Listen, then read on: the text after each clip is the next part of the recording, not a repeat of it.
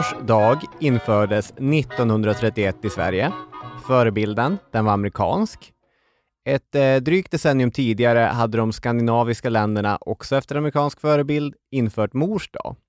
Och ja, vad ska man säga? Fars dag har nog aldrig blivit lika uppmärksammat.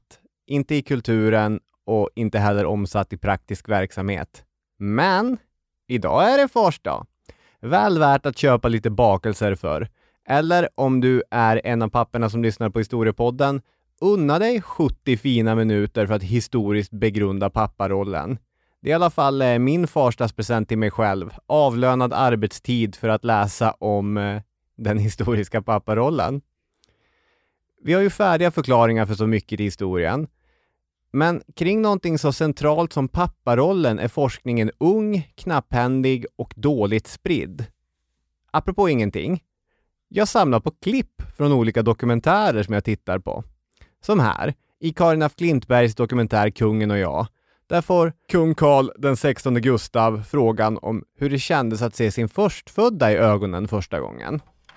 Det är lika bra att erkänna, jag var inte, jag var inte närvarande för jag var någon annanstans.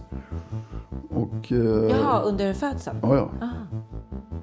Det är ingen bra, stor idé att, att vara med. För mig i alla fall. Jag hade inte kunnat hjälpa till, jag är dålig på det. Eh, Varför är kungen dålig på det? Och, Menar du i eh, kungens personlighet eller vadå? Ja. Och hur har det gått att förena då, att vara monark och att vara pappa? Har det gått? Så. Sådär va. Tror jag. Om resten av intervjuerna med kungen i filmen ger rätt platta eller flyktiga svar får man ändå säga att han i frågor om föräldraskapet är brutalt ärlig. Så där va, tror jag. Och när han får frågan om han har dåligt samvete säger han nej, egentligen inte. Och så ger han ifrån sig det mest menande leendet i hela filmen. Till kungens försvar ska sägas att det är rätt många män i hans generation som inte haft ämbetet konung, som också borde svara sådär va, och egentligen inte på samma frågor. Men jag tycker ändå att det, det är intressant, det tycker jag. Ett annat klipp jag har med mig, det kommer från Clary Janssons dokumentär Farbrorn från 2001. Kom inte och säg att det inte är spexiga fredagskvällar hemma hos familjen Olofsson Ek. Ett glas rött och en dokumentärklassiker på SVT va? Men filmen den handlar om 91-åriga enkemannen Gösta Lidén, en gammal målarmästare som tänker tillbaka på det livet han levt. Och i en scen står han ute vid sommarstället på Dalarö, helt tyst och tittar på när sonen, också helt tyst, bränner ris. Sen lägger Jansson på ljudet från en intervju. Vi upplever det nästan som en inre monolog.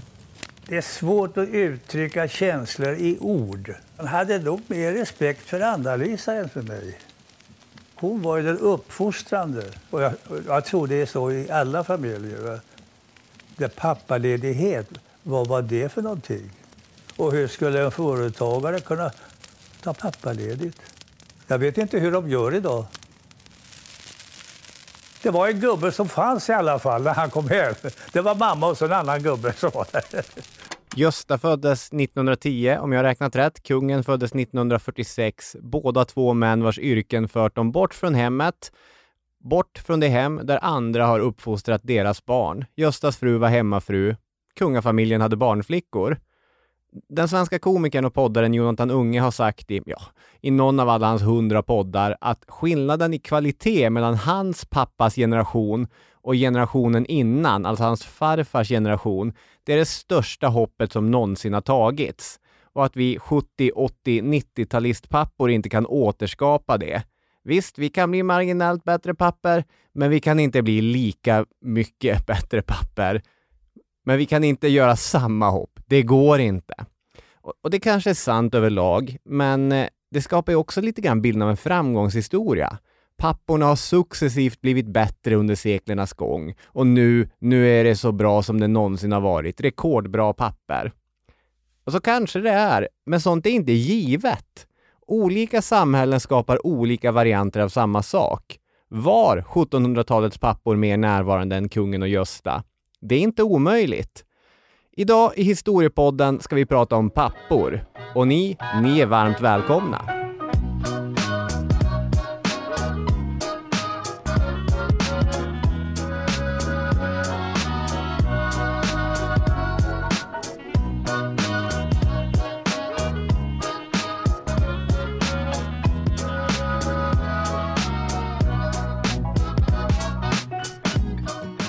Välkomna, välkomna till Historiepappapodden. Avsnitt två. Så kan man väl säga eftersom vi hade ett om eh, pappaledighet va. Just det. Under din inledning här så kommer jag tänka på ett par pappor under 1900-talets andra hälft som jag har, alltså som kanske kan symbolisera spretigheten i eh, liv och lust och eh, hittepå, a- entreprenörskap, eh, kreativitet, göra en massa grejer. Det är som eh, Ronny Ambjörnssons pappa, det här är ju då mitten på 1900-talet, Ja. någon gång förmodar jag. Idéhistorikern Ronny Ambjörnsson. Ja just det, som, han har ju skrivit om sin pappa. Han, han eh, byggde ju hus och det var ju ett stort akvarie med, om det var fiskar och, och fåglar och grejer i, mitt i köket. Det var ett enormt akvarium som de till slut inte fick ha där för att Ja. hyresvärden sa att det här är ju jättefarligt. Och han hade en massa projekt för sig. Jag gillar ju att läsa kröniker, moderna kröniker i dagstidningar alltså. Ja. Och då har jag fastnat för Hanna Hellqvist på sistone också. Och hon har ju beskrivit sin pappa också som en väldigt sån här hittepåig pappa som eh, hade projekt för sig och grejer. Och samtidigt då så har vi då mammorna som eh, liksom är de som ska ta ansvar och Ja. styra och ställa så det blir ordning på torpet också. Det var någonting du sa i den där inledningen som fick mig att tänka åt det här hållet. Och eh, det ligger något i det att eh, papporna under 1900-talets mitt har haft mer utrymme att vara lite eh, filosofiskt lagda och eh, hålla på och pyssla med föreningsliv och allt möjligt säkert jämfört med mammor som då har eh, hållit sig hemma och fått saker och ting att rulla runt mer praktiskt. Tänker jag med. Ja. Ut, utifrån de här två i i alla fall. ja, så kan det vara. Det här är en spaning på uppstuds. Det är, jag vet inte om det håller. Ja, för att vara en spaning på uppstuds tror jag absolut att, att det håller. Sen får vi underbygga den med fler exempel och statistik om, om vi vill göra en större sak av den i framtiden.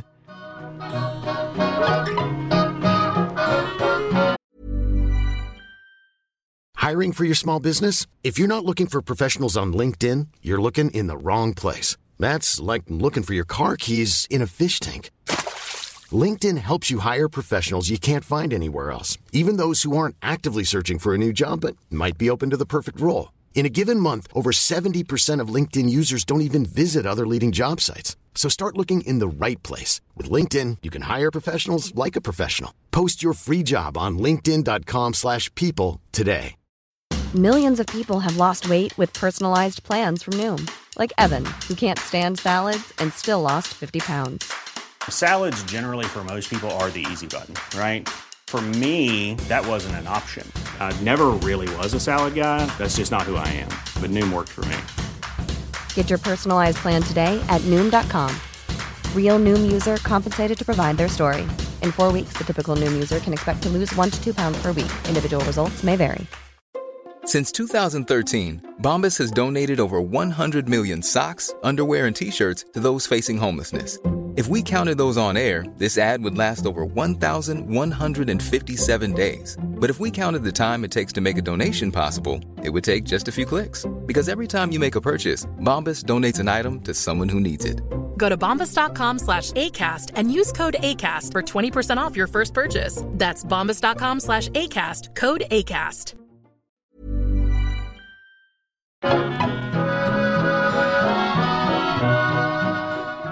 Vi ska vrida tillbaka klockan ganska långt i det här avsnittet, till i alla fall till kanske 1600-1700-talet. Men först så har jag förberett eh, ett lekmoment. Jag kallar det Who's your daddy?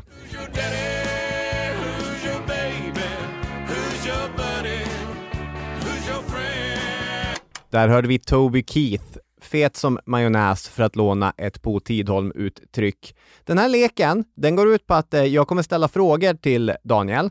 Du kommer få antingen så här, antingen eller alternativ, eller så kommer du få en ja nej-fråga och allt har pappa-tema. Och eh, jag vill ha snabba svar. Är du beredd? Jag tror det. ja. ja, då Det börjar är vi. inte så mycket alternativ. Var Stalin en bra pappa tror du? Snabba svar. Och det är bara ja eller nej. Nej, du får kort motivera. Var någon en bra pappa egentligen på 30-talet? För jag tror inte, så här, jag tror inte han var mycket sämre än de flesta andra pappor, ärligt talat. Just det. Vem var egentligen bäst pappa? Gustav Vasa eller Karl IX tror du? Ja men det är ju hugget som stucket va, egentligen. Det är samma skrot och korn. Ja, Gustav Vasa var ju, han brydde sig mycket om att det skulle gå bra för, för dem. Jag vet nog lite mer om det just nu än eh, Karl IXs pappaskap just. Ja. Eh, Så att eh, då får jag väl säga Gustav Vasa. Al Pacino, 83 år gammal, blev i juni detta år pappa för fjärde gången då hans flickvän Nor, 29 år gammal, födde sonen Roman. Är Al Pacino för gammal för att skaffa fler barn, tycker du? Jag vet inte hur jag ska kunna uttrycka mig mer kraftfullt än så här. Ja, ja, Okej. ja. PG Gyllenhammar blev ju också pappa eh, jättegammalt. Ja. Och jag begriper inte, jag tycker, jag tycker det är, hur orkar de ens tänka tanken? Liksom. Vad, vad sa du, han var 83, Ja. 84 personer. 83. Hur ska det här gå har han tänkt sig? I maj detta år blev Robert De Niro, 79, pappa för sjunde gången. Är De Niro mer eller mindre ansvarsfull än Pacino?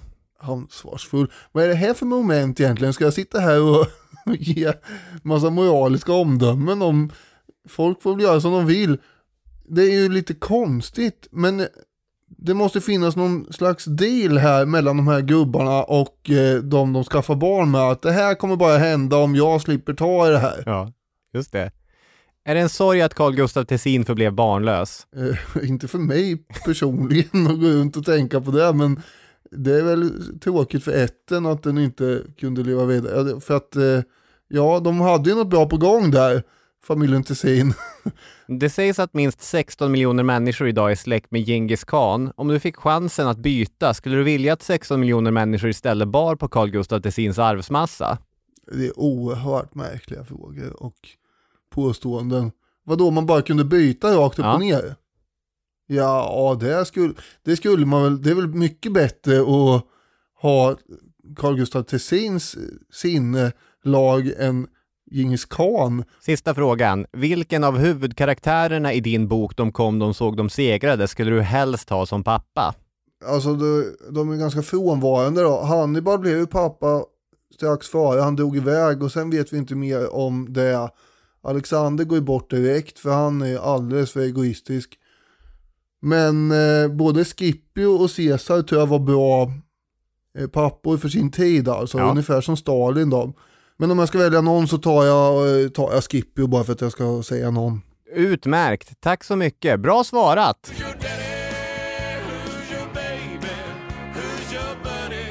När jag började samla läsning till det här avsnittet så hittade jag efter ett tag den svenska historikern Thomas Berglunds avhandling Det goda faderskapet, kom 2007. Och hans forskningsområde är 1800-talets fäder, vilket vi bland annat kommer att beröra. Men han har i den gjort vad jag tror är den bäst täckande genomgången av internationell och svensk forskning om historiska pappor, den historiska papparollen, västerländska sådana ska man väl poängtera. Och, och vi har ett grovt schema att utgå från. Ehm, det förenklar någonting som i själva verket är mycket spretigt och olika, men någon jävla ordning måste man ha i en historiepappa-podd. Så den amerikanska historikern Peter Stearns, han har föreslagit följande uppdelning. Att det finns ett traditionellt faderskap under tidig modern tid som eh, syns på 1600-1700-tal. Att vi sen kommer in i en ny fas i och med upplysningen och industrialiseringen och sen att det finns ytterligare en ny papparoll under 1900-talet. Och vi ska försöka landa i de tre olika rollerna, se om det håller vatten och på vilket sätt de skiljer sig.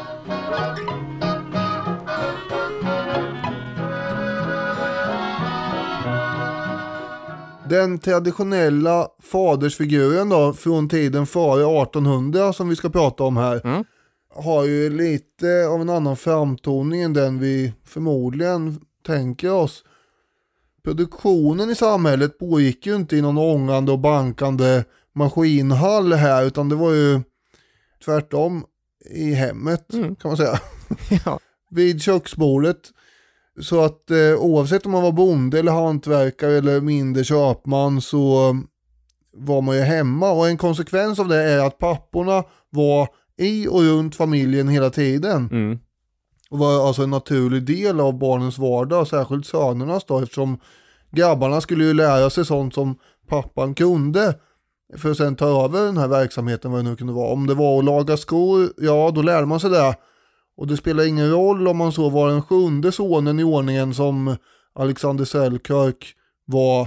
Eh, han var ju son till en skomakare och, och sådär. Sen blev han i och för sig sjöman istället och hamnade på en obebodd ö. Men då hade han nytta av sina kunskaper att garva läder som hans pappa hade lärt honom och Ja. sådär ju. Ja. Ska man vara så här fyrkantigt akademiskt så kan man säga att familjen är en produktionsenhet.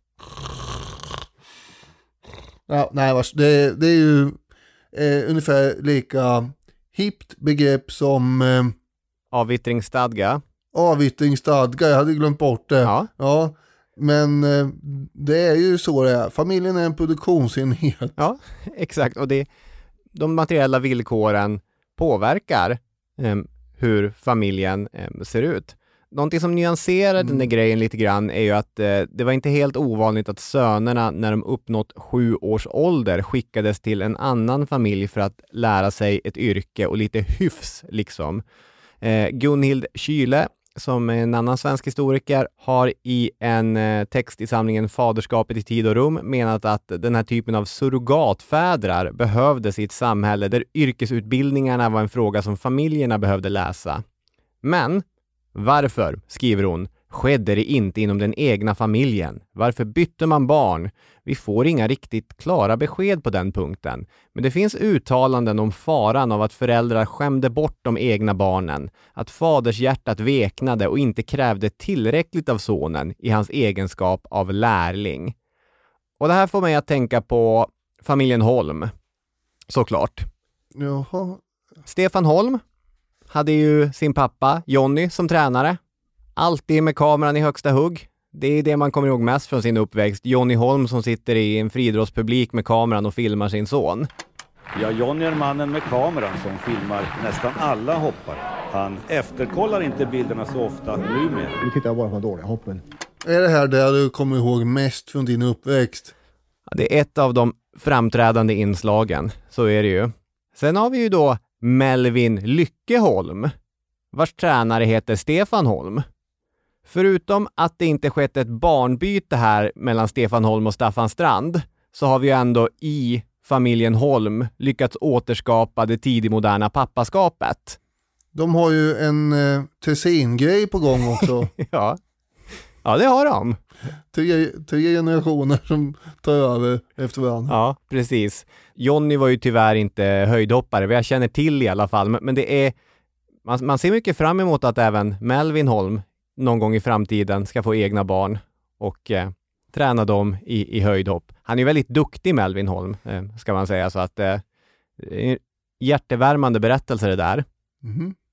Papporna hade ju också ansvaret för barnens andliga utveckling och eh, att de hade religiösa kunskaper och sånt där. Så det var Mm. inte bara att barnen följde med eh, pappan ut på åkrarna och, och sådär och tog hand om djuren med dem när de gjorde det. Och, och så, utan man skulle också sitta och traggla med religionsläxan. Det är alltså inget nytt om några papper sitter och gör det idag utan det har man gjort i hundratals år.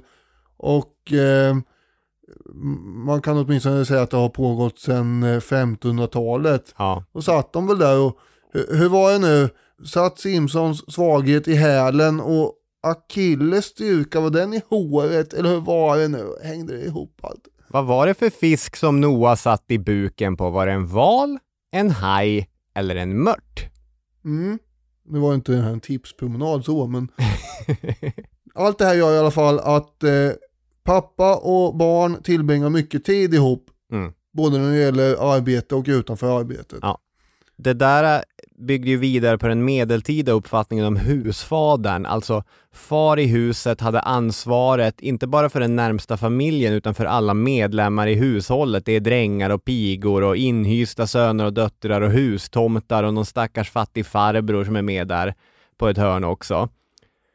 Och i delar av litteraturen så har man ju då velat lyfta fram den här äh, rollen, den kyrkliga rollen, den, den religiösa rollen som ett bevis på att fadern äh, uppmanades att använda gammeltestamentlig tukt, att han var en hård och sträng typ, kanske en tyrann. Men som Berglund skriver, och precis som du sa också Daniel, så innebar det där ansvaret att, att fäder och barn spenderar mycket tid tillsammans. Och visst, det går att hitta många exempel på tyranner, men det går också att hitta många exempel där det istället leder till starka känslomässiga band som knyts mellan pappa och barnen.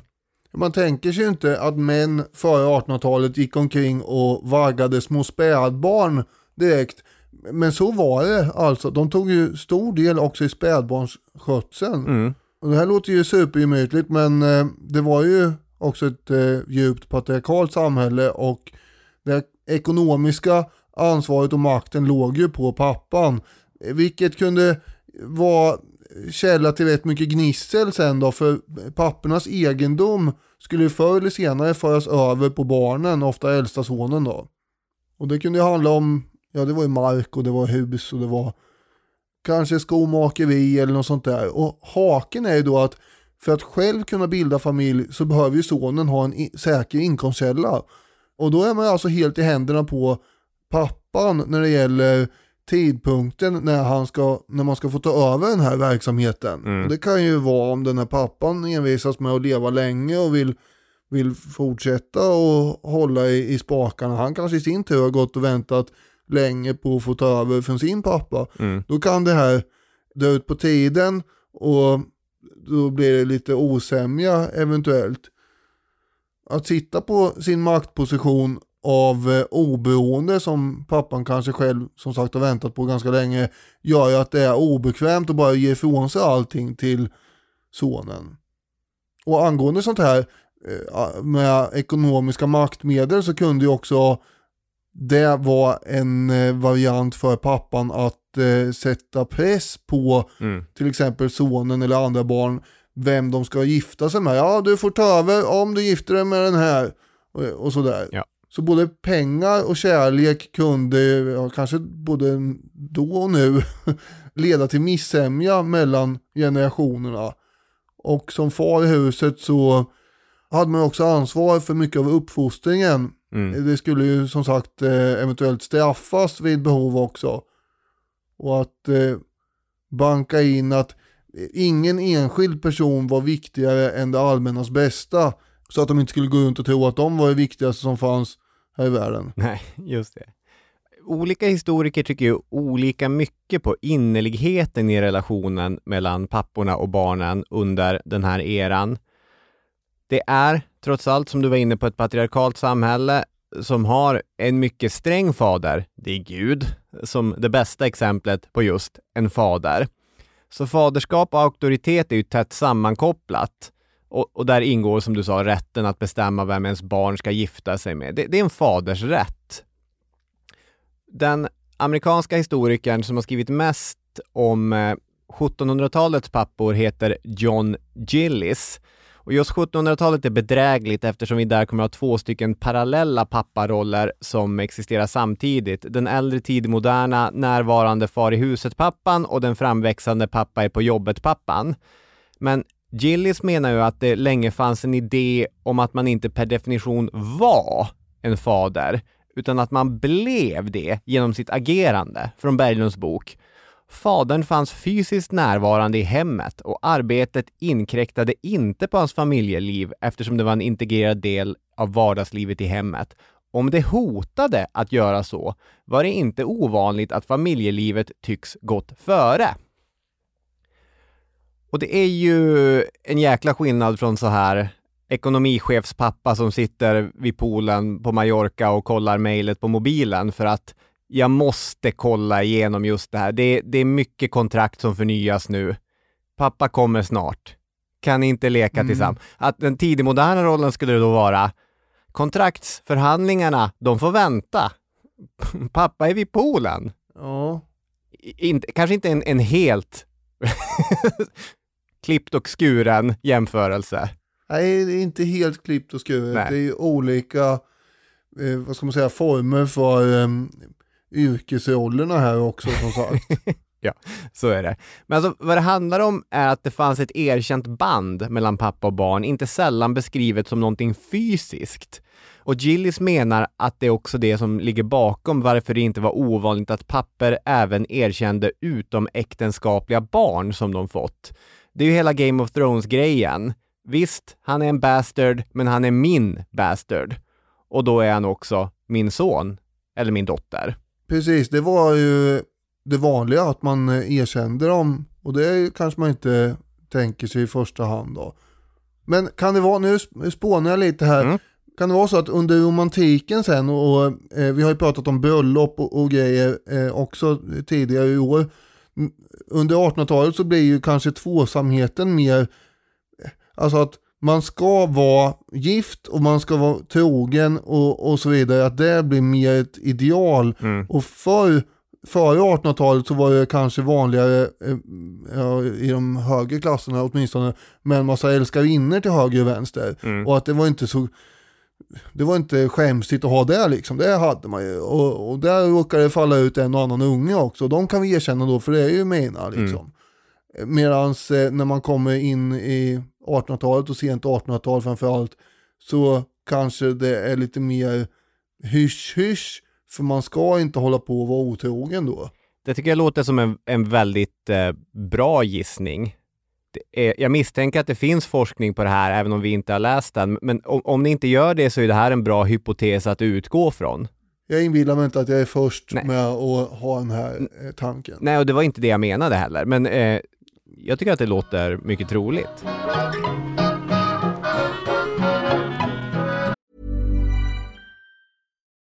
Millions of people have lost weight with personalized plans from Noom. Like Evan, who can't stand salads and still lost 50 pounds.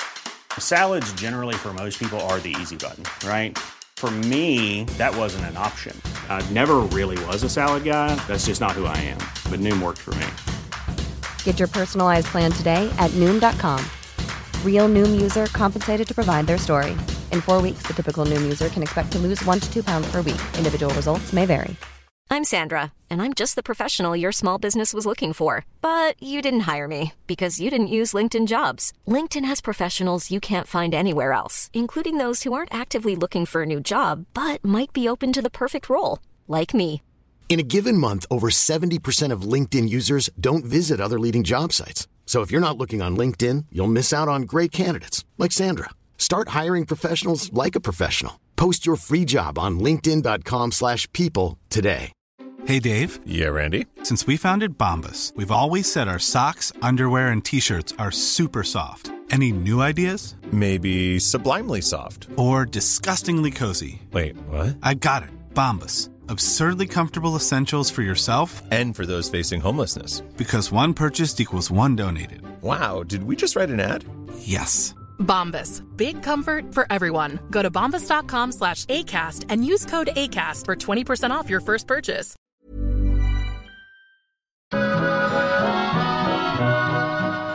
Vi har då ett exempel på en sån här närvarande tidig modern pappa. Eh, även om det är sent 1700-tal som gäller här. Och det är Johan mm. Gabriel Oxenstierna. Ja, och eh, det fanns ju säkert många fler, men här har vi ju bra källmaterial. Han skrev väldigt mycket dagbok och brev. Och jag tänkte, det gjorde andra med och eh, då ska vi börja med att presentera lite grann vem han var här och då blir det en annan dagboksskrivare som kan få göra det lite grann. Hedvig Charlotta som var drottning i början av 1800-talet. Eh, Vi pratade om henne i avsnitt 151. Hon skrev ju extremt mycket dagbok mm. och sammanfattade Johan Gabriel Oxenstiernas liv så här. Han var ju för övrigt då greve, hovman, poet och så. Och hon skrev så här, en mycket anspråkslös och redbar man. Men med en svag och föga manlig karaktär. Är mycket kvick, men mera road av vitterhet, alltså bildning och litteratur, ja. än politik. Och snarare en sällskapsmänniska än en statsman. För övrigt är han allt för lat och bekväm av sig för att kunna sköta en sådan befattning. Ja, eh, så det var både ris och ros. Ja. Och det här är ju hennes ord om honom då. Det är inte ett facit på hur han var egentligen. Men någonting säger det ju. Ja. Han tycker om att skriva och läsa mer än att utöva politik. Ja. Jag lärde mig något nytt om Oxenstierna inför det här avsnittet också. Vi har ju pratat om honom tidigare, minst en gång, då vi pratade om eh, manliga kompisar, manligt kamratskap, Mm. manlig vänskap genom historien. Han var ju en, en mycket bra kompis, nämligen. Men eh, det är inte det som är, är min trivia-uppgift, utan det kommer från eh, Nationalencyklopedin och då står det den notering om kung Adolf Fredriks död, fettisdagen 1771, som Oxenstierna gjorde i sin dagbok, där han dels beskriver kungens omfattande måltid den aktuella kvällen, dels skriver att fettisdagen borde förbjudas och att hetväggen borde drivas i landsflykt eftersom den har begått kungamord, har bidragit till myten att Adolf Fredrik avled som en följd av att han förätit sig på semlor. Det är Oxenstierna som ligger bakom det här. Han sen åt han ju i och för sig den här hetvägen, det gjorde han ju, men man, han åt ju en jävla massa annat också, Ja. Adolf Fredrik där. Annat man kan utläsa ur Hedvig Charlottas beskrivning är ju att han var en ganska ineffektiv och eh, kass tjänsteman. Dessutom lat. Han, och han var en gladlynt herre ändå, han gillade att skämta med andra. Eh, Men eh, han var bra på att göra det utan att såra folk också, eh, kan man säga. Ja. Han hade inte så höga ambitioner, däremot alltid höga skulder. Han var, han var aldrig skuldfri egentligen.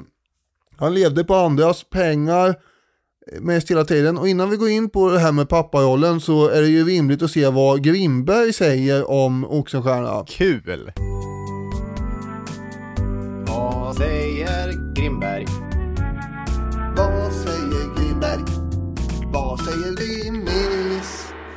Han säger tyvärr inte någonting om eh, Oxenstierna som pappa, vilket kanske dock säger någonting om Grimbergs egen tid under första hälften av 1900-talet. Verkligen.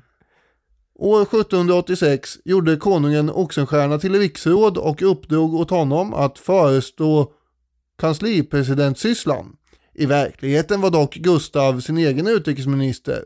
Johan Gabriel Oxenstierna var för honom en dekorationspjäs med fint namn. Opraktisk och oförmögen att sätta pli på sina underordnade. Kunde skalden ej gärna få något inflytande på det levande livet. Men Gustav, den tredje alltså, fägnade sig istället åt det skådespelet att en av Sveriges Gustaver återigen hade vid sin sida en Oxenstierna. En telning av samma ett som den store Axel tillhörde. För skalden kändes det däremot förödmjukande att bli ett dekorationsföremål. Ja. ja, men det här låter ju precis som Gustav III, att eh, han ska utse en, en Oxenstierna för, för sakens skull. Och sen är vi ju tyvärr, eller kanske var lika bra där, att det inte var en politiskt lagd Oxenstierna det här. Nej, det är... Jag har ganska lätt att tycka om Johan Gabriel Oxenstierna och det är ju inte som en, en durkdriven maktpolitiker man gör det, utan det är ju som en väldigt sensibel och eh, öppen människa. Ja. Han gifte sig sent, 41 år gammal, med en Lovisa Kristina Wachslager. Och när han var 43 år då blev han pappa till sonen Gösta. Mm. Året var 1793. Men den här frun, Lovisa Kristina, hon var ganska svag redan innan förlossningen. Och nu blev hon sjuklig och sängliggande resten av livet i princip. Mm. Och de åkte runt på olika kurorter och sådär för att få liv innan. Men det hjälpte ju föga. 1809 så dog hon sen. Men förutom sonen Gösta då så adopterade också Oxenstierna tre brorsbarn från, eh, eftersom hans bror som också hette Axel förut hade en ekonomi som hade havererat fullständigt. Och, och det undrar jag hur mycket den hade havererat då med tanke på att hans egen ekonomi var fullkomligt usel.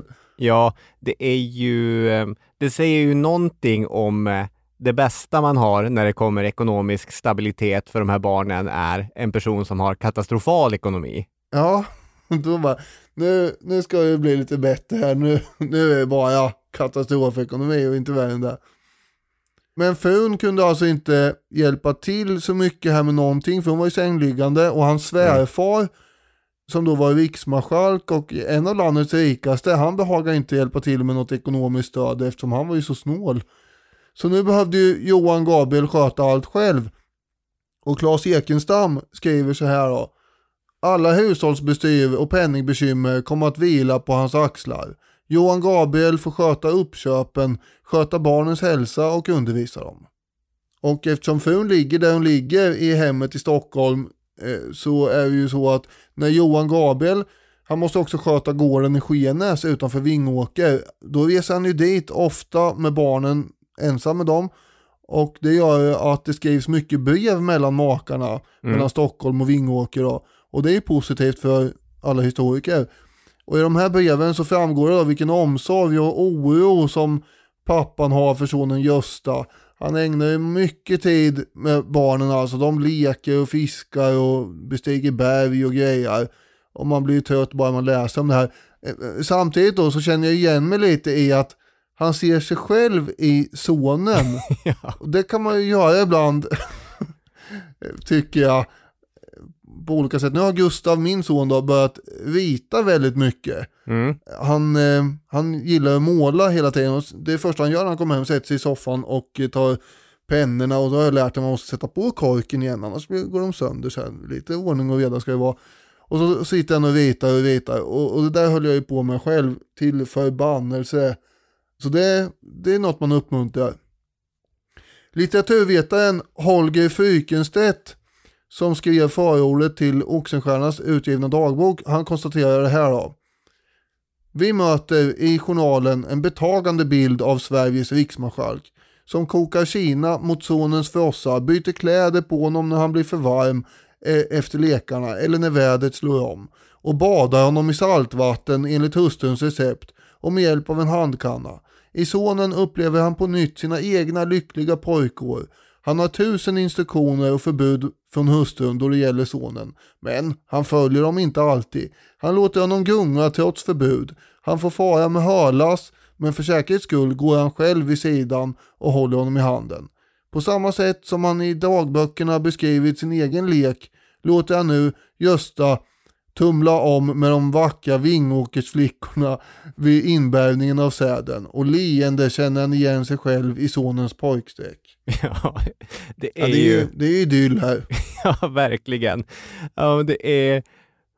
Man får ju ett brett leende på läpparna när man läser om hur, hur eh, Oxenstierna förnöjt berättar för hustrun hur Gösta skriker av glädje när de kliver i en båt tillsammans. Ja, Och, och det, alltså det här är ju en så banal grej, men det är ju precis samma känsla som man själv har när, när ens barn blir orimligt glad över någonting. Till Mm. exempel att få kliva i en båt. Och, och ba- bara det kan vara en viktig poäng att även om saker och ting såklart var väldigt annorlunda på 1700-talet, den känslan fanns då också. Mm. Han har ju också förståelse för sonens ångest när han ska skriva brev till sin snåle morfar. Eftersom eh, Johan Gabriel minns ju själv sin egen vånda när han var tvingad att skriva brev till eh, kärva släktingar. Så han hjälper ju till med formuleringarna här åt grabben. Och ehm, samtidigt kan inte allt vara skoj och skratt heller. Sonen ska ju uppfostras med att Mm. lära sig hövlighet, tacksamhet och kunna läsa av andras behov och sådär. Så han, han ser ju på sonen med stolthet och är glad över hur sonen besvarar de här känslorna också. Eh, Som Ekenstam skriver, eh, en nutida psykoterapeut skulle nog säga att Johan Gabriel har bevarat kontakten med barnet inom sig själv Mm. och därför kan han också identifiera sig med barn och bemöta dem med, med respekt och sådär. Ja, det är ju inte bara sonen utan även när det kommer familjer med barn på besök så leker han med dem och det är, han är en sån där farbror, verkar det som, som barn dras till också. Och brorsbarnen också. Ja, just det. Det finns en episod när eh, det är en sexårig pojke som är och besöker honom där ute på Skenas och, och- och blir som en skugga, följer efter honom och Oxenstierna täljer barkbåtar och leker med honom. Sen beklagar han sig i slutet av kvällen. Det blev, det blev väl mycket lek i och för sig, men eh, det var roligt. Hur hade det gått för Oxenstierna i eh, nutid? Jag menar han får ju mycket av sin inkomst eh, från titlar för att han har ett fint efternamn och så vidare. Han Jaha. jobbar ju inte ihjäl sig. Nej. Nej, det är ju... Det är väl det som är den stora utmaningen för eh, en person som Oxenstierna som tycker om vitterhet men inte så mycket hårt arbete. För det är ju trots allt, eh, det krävs rätt mycket hårt arbete för att man ska, Ja, men- ska ha det någorlunda drägligt. Ja, jag menar nu när vi höjer honom här som eh, en omtänksam pappa och sådär så är det ju också för att han har tid att vara där eh, på, ett, på något sätt. För att Ja. andra betalar hans uppehälle. Ja, så är det.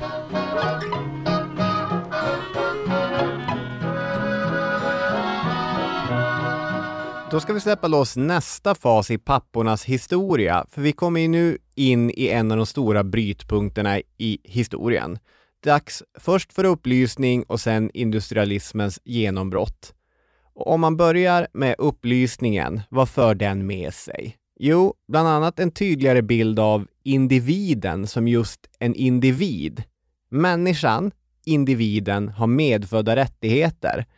Dessutom är det fler och fler som börjar se på barnen som någonting av oskrivna blad. Man kan ju forma de här härliga små varelserna nästan till vad som helst. Och när man hade börjat överge tanken på arvssynd, alltså att barnen föddes med de här farliga begären som behövde tas ur dem med hård tukt, ja då är det också en annan typ av pappa som behövs. Jag kan få be om att återkomma med, med hur det bemöttes. Men eh, bara den insikten att eh, barnen finns och barnen formas och de är inte medfött onda innebär att eh, pedagogik och uppfostran blir favoritämnen. Och det märker man ju hos upplysningens största, i alla fall en av de stora, Jean-Jacques Rousseau. Och Rousseau hade ju, som vi nog pratat om tidigare i podden, en rätt strikt uppdelning mellan det manliga och det kvinnliga. Ett, ett urtypiskt exempel på det här män från Mars, kvinnor från Venus-tänkandet. Och eftersom han skrev mycket om uppfostran ser vi hur uppdelningen mellan könen kommer till uttryck i hans idévärld. Mamman är bättre lämpad för den närmre kontakten med barnen.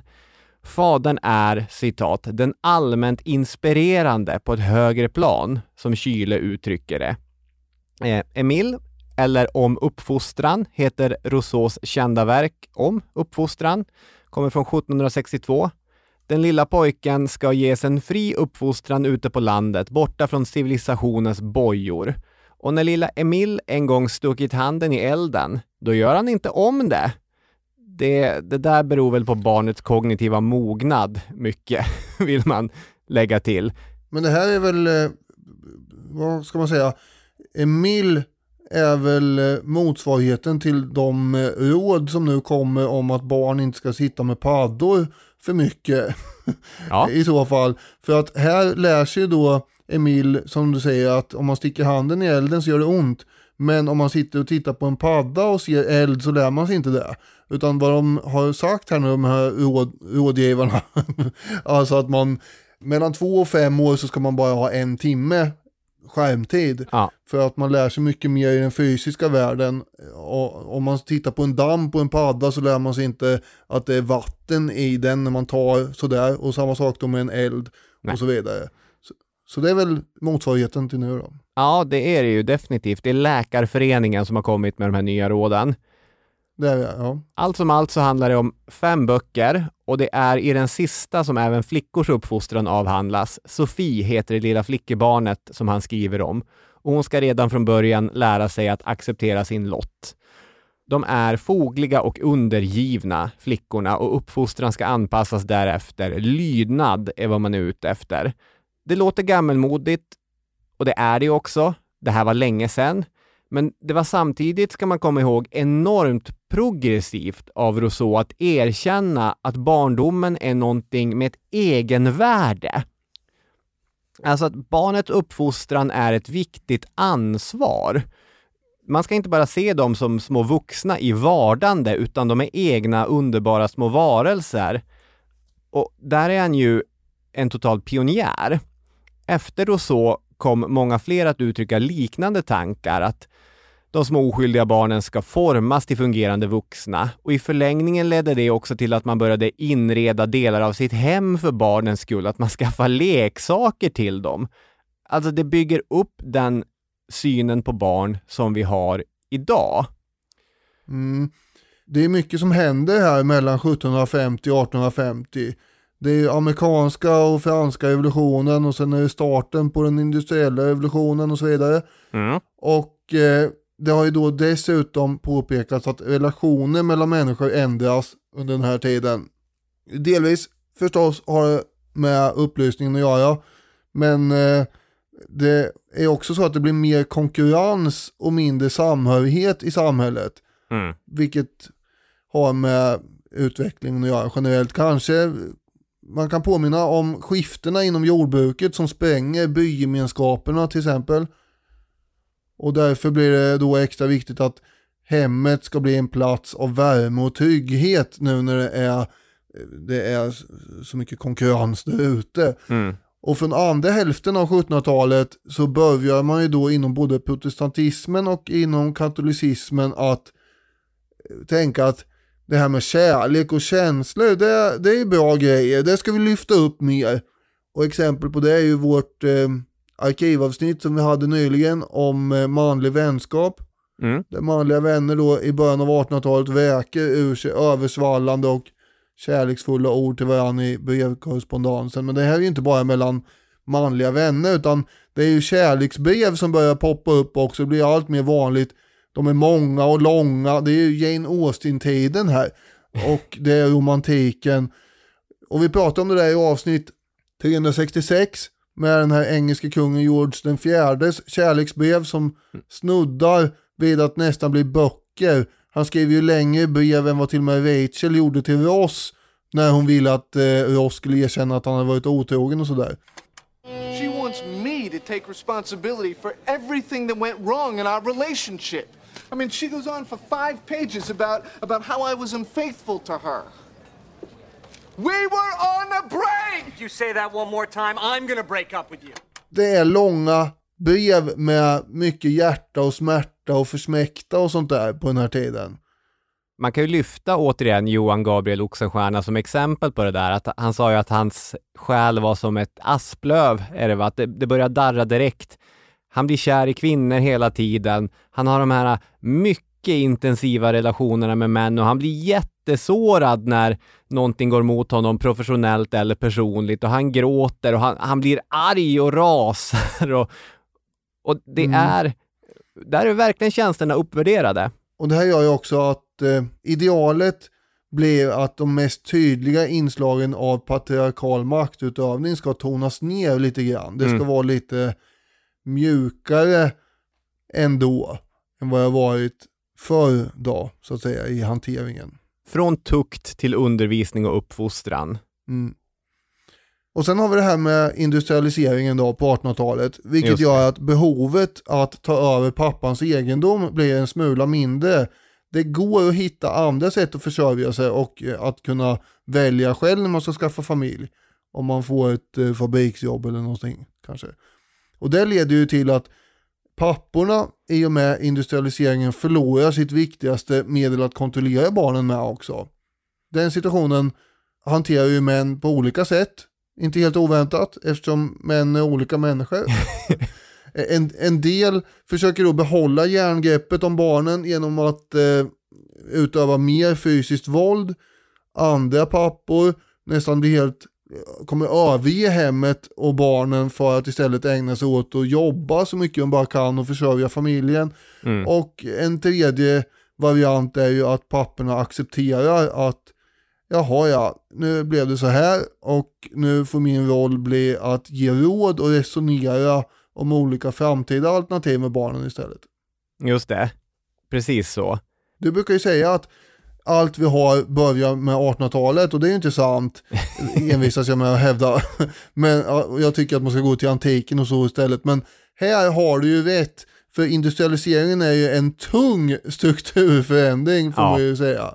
Ja, verkligen. För det här med att fäderna går in mer helhjärtat i försörjarrollen när de flyttas bort från hemmet är också mer eller mindre frivilligt beroende på vart i den ekonomiska stegen som du befinner dig. Jag tycker det är intressant eh, den här mest extrema formen då av frånvarande pappa. Det som John Gillis beskriver som eh, helg och semesterpappan. Ehm, Den eh, brittiska historikern John Tosh, som man annars mest, och med man menar jag jag, som jag annars mest känner till för att han skrev en bibel om historisk metod som jag satt och tragglade i under min studietid. Mm. Eh, jag han tror har mycket istället att det är menat... jag snarare än man där. Ja, men det är, jag är nog inte ensam om att ha läst historisk metod av John Tosh. Nej. En, en tydlig, men lite träig bok, får man säga. I alla fall, han säger att helg och semesterpappan kommer från 1880-talet och framåt, så att det är egentligen mest eh, när helg och semesterpappan kommer och det är ju avhängigt var man tittar också. Jag tänkte spela ett till klipp ur min samling med pappaklipp. Och det här kommer från Maud Nykander och Kristina Lindströms fina Palme-dokumentär från 2012. Och det är ett nyhetsteam som är hemma hos statsministern och intervjuar honom samtidigt som Olof Palme står och spelar pingis med, jag tror att det är Mårten Palme, som liten grabbhalva. Hur ofta hinner ni träffas så här? Ja, det är roligt. Vi ses på morgnarna. Det som gör att du liksom är så pigg på att säga ja till allting? Är det det här Ja, det är därför att, att, att jag upplever Vad var den då? Palme har svårt att svara på journalistens eh, frågor samtidigt som han spelar pingis med sin son. Och då lägger han ifrån sig racketet hela tiden och vill sluta spela, vilket får vad jag tror är Mårten Palme att ropa ”Ta bollen då!” Han vill spela pingis med sin pappa. Mm. Och så sen i filmen så får vi ta del av intervjuer från både Mårten och Joakim Palme där de minns tillbaka på hur deras pappa brukade komma hem efter de har somnat och sen svischa förbi som hastigast på morgonen. Och egentligen är det endast under sommaren på Fårö som de hade en närvarande pappa som levde upp igen. De pratar om hur det är Lisbeth som kör bilen hela vägen till Fårö och eh, Olof Palme tänder en cigg och sitter där och halvsover rökandes i passagerarsätet och så sen långsamt blev han gladare och gladare och efter en eller två veckor så hade de helt plötsligt en, som du var inne på, den här projektpappan som gör roliga grejer och, och är, är närvarande och en idéspruta och så. Och jag vet att det här är fel sekel, men här ser vi ju helg och semesterpappan i ett mycket tydligt exempel. Ja, det är ju så då att under den här strukturförändringen som industrialismen är så alltså jobb och familjeliv kommer ju att eh, separeras i en rasande fart här. Mm. Det är massor med pappor som successivt går till jobbet tidigt på morgonen och kommer inte hem förrän sent på kvällen. Nu i det här fallet med Palme så är det att han går till regeringskansliet, men på 1800-talet, de flesta går ju snarare till någon fabrik och står där och försöker undvika att få händerna avsvarvade eller något. Ja. Och eh, alltså arbetarklassens papper hade helt enkelt inte tid att vara med barnen särskilt mycket. Nej. Om man jämför med bönderna de tidigare seklerna. Och om det på 15 och 1600-talet låg på papporna att säkra barnens förtrogenhet med religiösa tankar och karaktärer och sådär, så är det på 1800-talet pappans uppgift att leverera ekonomiska resultat. Mm. Det blir ju den väldigt tydliga uppgiften. Mat på bordet, tak över huvudet, helst en utbildning och sådär. Just det. Ja, precis, för det hängde ihop med sånt också, i alla fall om du var borgerskap, medelklass och liknande, att du, ett sätt att vara en lyckad och bra pappa var ju att kunna garantera dina, framförallt söners, men dina barns framtid. Och då skulle man ju ha råd att betala för de utbildningar som behövdes. Så det la ju ytterligare press på försörjardelen. Mm. En närbesläktad företeelse från 1800-talet är vetenskapens framsteg gällande förståelsen för hur barn kom till. Alltså den äldre idén var ju att eh, det var mannens sperma som bar allt liv med sig och modern var en, en tom behållare. Sen börjar man förstå hela grejen med ägget. Ägget ja.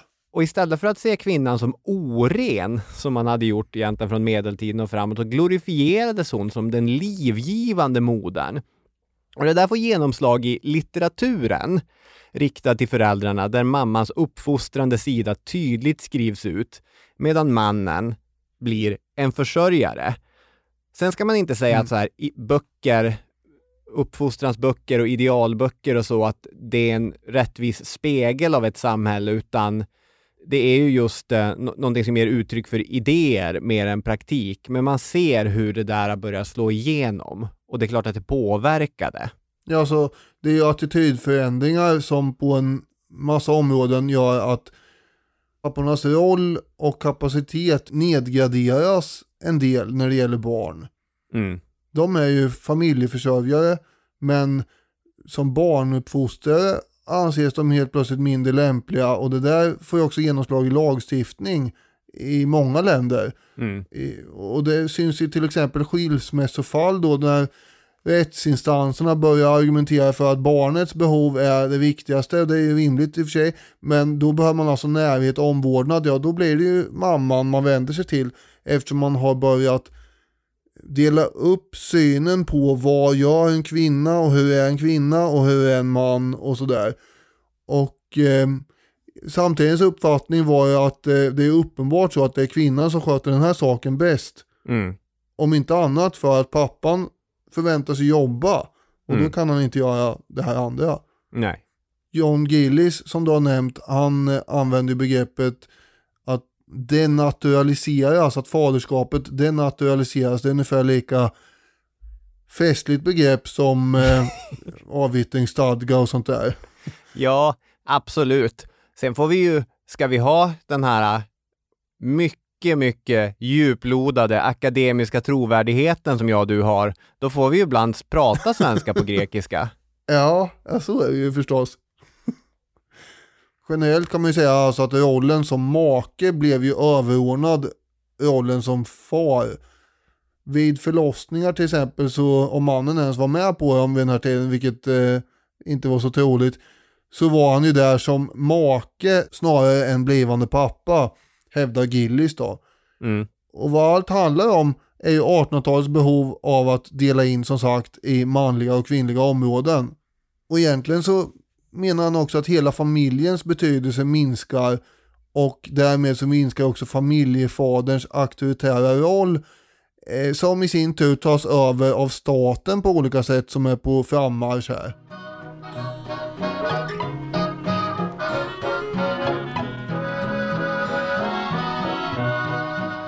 Den tredje föreslagna fadersrollen är då 1900-talets pappa.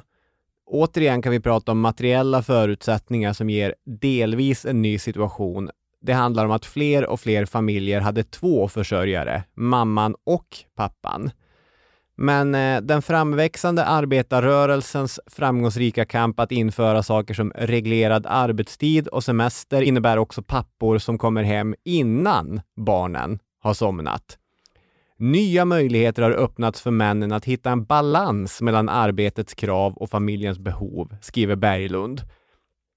Och från 1970-talet har den lekande pappan, den kamratliga pappan, fått allt mer utrymme i kulturen. Olof Palme stod framför kameran och spelade pingis med Mårten. Om jag bara drar ett slumpmässigt statsministernamn ur hatten. Arvid Lindman. Tror du han ställde upp pingisbordet i källaren och spelade med Rolf, Eva eller lilla Karin och bjöd in journalisterna? Nu är det ju så att just pingis är ju, eh, får ett eh, häftigt genombrott i Sverige på 70 och 80-talet. Så att, eh, och det leder ju ända fram till det svenska pingisundret som helt unikt på den där tiden. Så jag vet inte riktigt om det är helt rättvist att, dra just den jämförelsen. Jag tror han kanske seglade rätt mycket med sina barn istället, för det var ju det Arvid Lindman höll på med. Ja. ja det är ett, ett bättre svar än vi hade förväntat mig. Okej, ja tack. Men ja, Arvid Lindman kanske var en, en tidig lekpappa. Det här hade jag också kunnat researcha, men nu har jag inte gjort det. Vi pratade i avsnittet om barnledig pappa om de här massiva utbildningsinsatserna som man gjorde i Sverige för att få papporna att utnyttja föräldraledigheten. Och även om det var ganska få papper på 70-talet som nyttjade föräldraledigheten speciellt mycket och även om det fortfarande finns en snedfördelning i uttaget så måste man ju ändå mycket tydligt slå fast att synen på pappans roll har förändrats så att även kungen måste lite pliktskyldigt svara på frågor om han har hämtat och lämnat mycket eller huruvida han har stått och stekt fiskpinnar i panik för att få mat på bordet innan det helt ballar ut. Nej, jag har inte gjort det säger han lite menande och tittar in i kameran som för att säga sorry, not sorry. Det, det är lite underförstått att han borde ha stekt fler fiskpinnar. Jag tror att Oscar den andre slapp sådana frågor. Ja det tror jag med att han gjorde. Nej, han höll inte på med sånt. Däremot höll han ju på att skicka den tidens sms då till, eh, till sonen när han var i Norge för att försöka hålla ihop den där unionen. Just Men det. då var han ju vuxen i och för sig. Just det. Så var det. 50. Det finns också forskare som menar att 1900-talets lagstiftning, det här var ju du inne på lite grann, men- men jag säger ändå, där man har skrivit in underhållsbidrag på olika sätt, att det faktiskt har förankrat pappaskapet som en ekonomisk roll ännu tydligare än det faktiskt var på 1800-talet. Och ja, jag vet inte, kanske, kanske inte, det beror väl lite på vad man menar. En intressant avslutande grej som Berglund tar upp också är att forskningen om det historiska pappaskapet har förenklat uttryckt, skriver han, men inte helt orättvist, kommit att styras av historieforskningens upptagenhet av att finna förändring och brott i utvecklingens gång. Alltså att man har tittat på de största brotten i historien och sen utgått från att de i sig självt skapat en ny papparoll. Och, och det går att hitta såklart rätt mycket argument för den sakens skull, att eh, jordbrukspappan var på ett sätt, industripappan var på ett sätt. Men om man väljer andra exempel, brev, dagböcker och så vidare, så finns det massor med kontinuitet också. Det syns inte minst i den forskning som struntar i uppfostransböcker och, och den typen av eh, och den typen av, av litteratur som är teoretisk, utan i själva verket kollar på personliga exempel genom ja, brev och dagböcker som jag sa. Och då finns det historisk kontinuitet i relationerna. Att eh, även under tider då idealen säger att de sämsta och mest frånvarande papperna borde finnas, så hittar man djupt engagerade sådana papper. Så det där är väl bara en viktig nyansering att ha med att eh, de här tre olika papparollerna som vi målar upp, de är just idealbilder på olika sätt av papparoller. Det har alltid funnits olika typer av pappor. Mm, precis. Jag kommer att tänka på pappan under 1500-talet till 1800-talet som vi pratade om innan här. Mm. Där vi sa att de tog så stor del av sina barns liv och sådär. Och det var ju bra och så. Då får man ju komma ihåg att det fanns också pappor som eh, Ivan den förskräcklige och Peter den store. Ja. som eh, slog ihjäl och torterade ihjäl sina barn. Ja, det är också en nyansering man kan göra. Ja, det kan man göra. Nu var ju de tsarer och så också, så det var inte alla som var där, men ändå.